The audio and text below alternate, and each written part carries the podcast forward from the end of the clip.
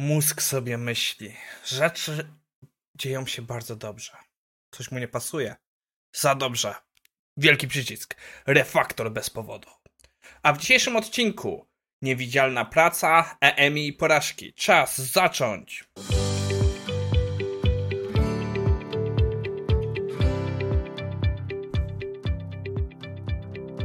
Cześć, nazywam się Maciej Wrodek, a to IT Morning na 9 stycznia 2023. Przepraszam za pomyłkę, ale czasem się zdarza. Parę rzeczy. E, większy update będzie na końcu, ale na szybko. E, musiałem zmienić narzędzie do nagrywania. Będziemy o tym rozmawiać z jednym z dalszych odcinków. I pewne setupy się rozjechały. Możliwe, że będzie trochę różnica między dźwiękiem a obrazem. Dawajcie mi znać. Mi się wydaje, że jest, jest ok, ale jak widzicie problemy, dawajcie znać.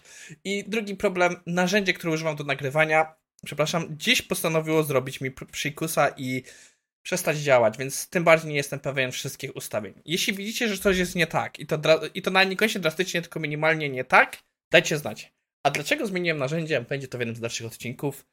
A teraz przechodzimy do naszego pierwszego materiału. Naszym pierwszym materiałem na dzisiaj jest. O, hmm, ciekawe, nie przeskoczyło mi materiału. Coś jest nie tak. E, naszym pierwszym materiałem na dzisiaj jest pojawiony ciekawy temat, e, dlaczego nasza praca jest e, pomijana, niewidzialna. E, przyznam się szczerze, jestem trochę rozczarowany tym artykułem. Nie dlatego, że artykuł jest zły, tylko dlaczego no, czegoś innego się spodziewałem. Dla mnie po przeczytaniu tego tytułu myślałem, że to będzie artykuł ogólnie o pracy. Dlaczego nasza praca jest niewidoczna, dlaczego nie jest doceniana. I trochę powiązana z tym, że bardzo dużo ludzi po prostu nie za bardzo no, potrafi powiedzieć, co robiło. Widzimy bardzo dużo osób, które są nawet może powiedzmy trochę ostrzustami, przyjmujące na siebie chwały innych i bardzo dużo osób po prostu nie potrafi pokazać, co ona zrobiła. Jest to duży problem, zwłaszcza w firmach takich jak Google, gdzie za twoje sukcesy jesteś e, nagradzany. Znam sytuację, że są menadżerzy, którzy wprost mówią, jeśli nie jesteś w stanie mi dostarczyć, co zrobiłeś, co zrobiłeś ważnego, dlaczego ja muszę to wiedzieć? Nie do końca zgadzam się tym podejściem, ale trochę to rozumiem, więc, e, więc nie będę aż tak dyskutował. Artykuł nie jest akurat o tym. Artykuł jest o pracy zdalnej. Zaczyna się od tego, że ludzie mówią, że pojawił się e, projekt praca hybrydowa, później w pełni zdalna i tak naprawdę, że płynęło to na przykład w Microsoftie, ja powiem w wielu innych firmach, na większą silosowość komunikacji. Zwłaszcza nowe osoby, które weszły w świecie zdalnym i nie znają tych osób ze świata fizycznego, nie mają za bardzo z nimi kontaktu, potrafią widzieć ten problem, że po prostu są mocno odcięte poza swój dział organizacji. I myślę, że to efekt przejściowy jeszcze nie nauczyliśmy się pracy zdalnej. Jak rozmawiam z firmami, które są w pełni zdalne, aż takiego problemu nie mają, tak samo jak nie mają innego problemu w firmach, które dopiero co ostatnie dwa lata wchodzą w świat zdalny. A mianowicie e, przynależności organizacyjnej, bo w wypadku pracy zdalnej dla większości firm to jest po prostu praca zdalna i tyle. E, autor powołuje się na pewien tutaj ciekawy case z bankomatami, jest zaznaczony fragment na czerwono, bo nie do końca się zgadzam. Autor mówi, że e, dla firm, dla banków wprowadzenie właśnie bankomatów było wielkim sukcesem. E, no, ale satysfakcja klientów spadła w dół. I, i e, autor mówi, że to jest, że po prostu mamy mniejszy wgląd na to, jak to wszystko działa, nie widzimy, jak organizacja działa i dlaczego, jaką wartość generuje.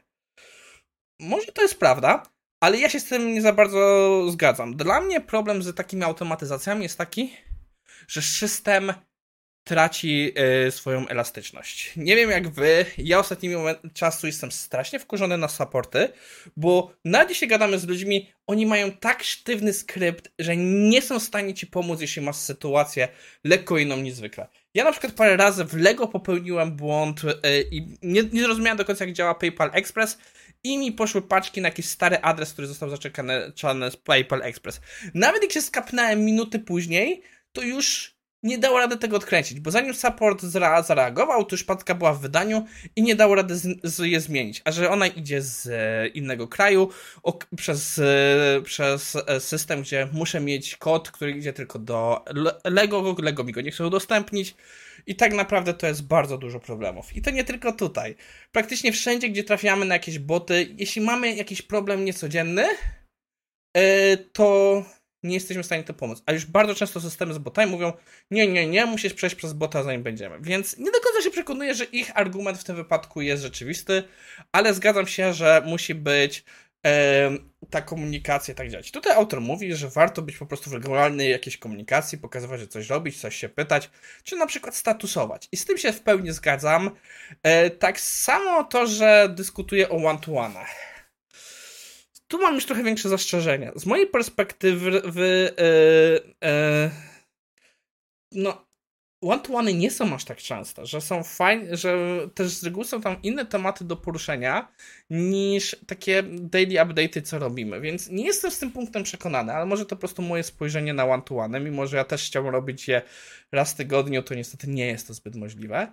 E, a następnie, no właśnie mówią to, żeby pokazywać, co się robi. To, to jest coś, co obecnie kombinuję z gildią e, QA w SQA, Software Quality Engineers w DisplayCie, bo trochę jest takie, wydaje się być spowolnienie naszej pracy, gdzie my dużo robimy, tylko nie jest aż tak dużo widoczne, że właśnie chcę, żebyśmy zaczęli pokazywać częściej, co robimy.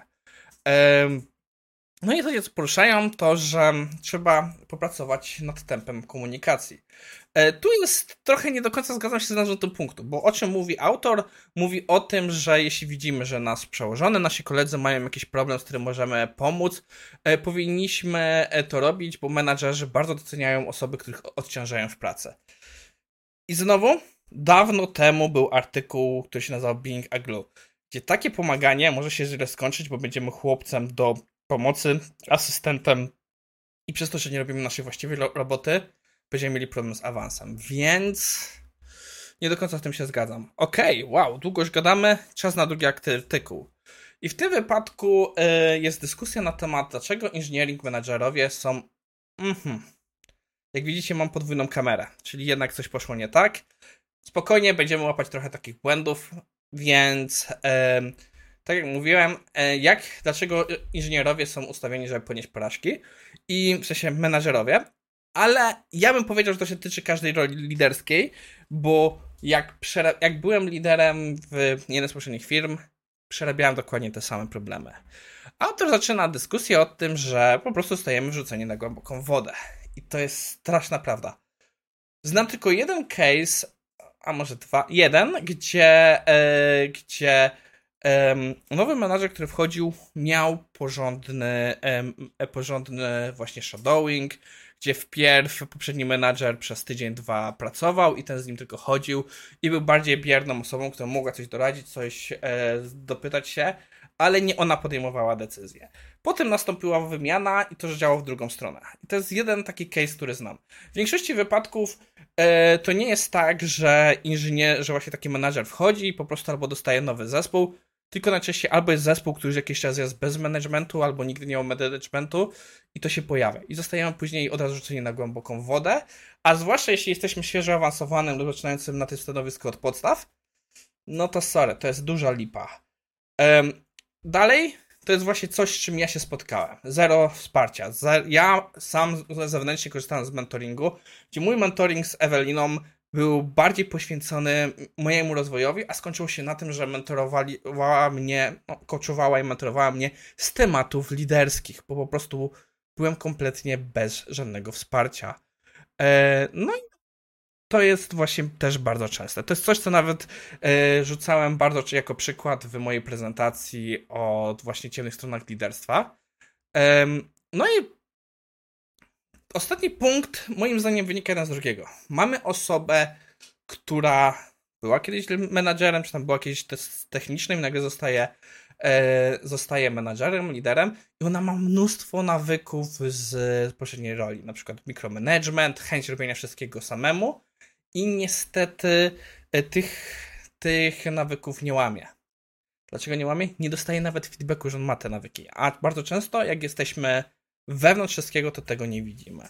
Więc nie traktujcie ten artykuł jako właśnie takie tylko wytnięcie rzeczy menadżerom.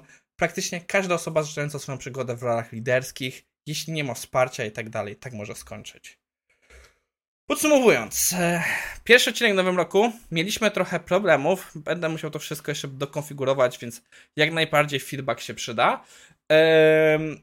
Ja dalej rozglądam się za wsparciem jakiegoś logopedy dobrego, więc Jeśli macie kogoś do polecenia we Wrocławiu, chętnie przyjmę rzeczy w komentarzu. I dzisiejsze artykuły przyjrzeliśmy się, jak wygląda widoczność naszej pracy w wypadku pracy zdalnej i mm, kwestią naszych złych nawyków, jak zostajemy liderami, menedżerami i jak one mogą doprowadzić do naszej porażki. To wszystko. Życzę Wam miłego dnia i widzimy się jutro.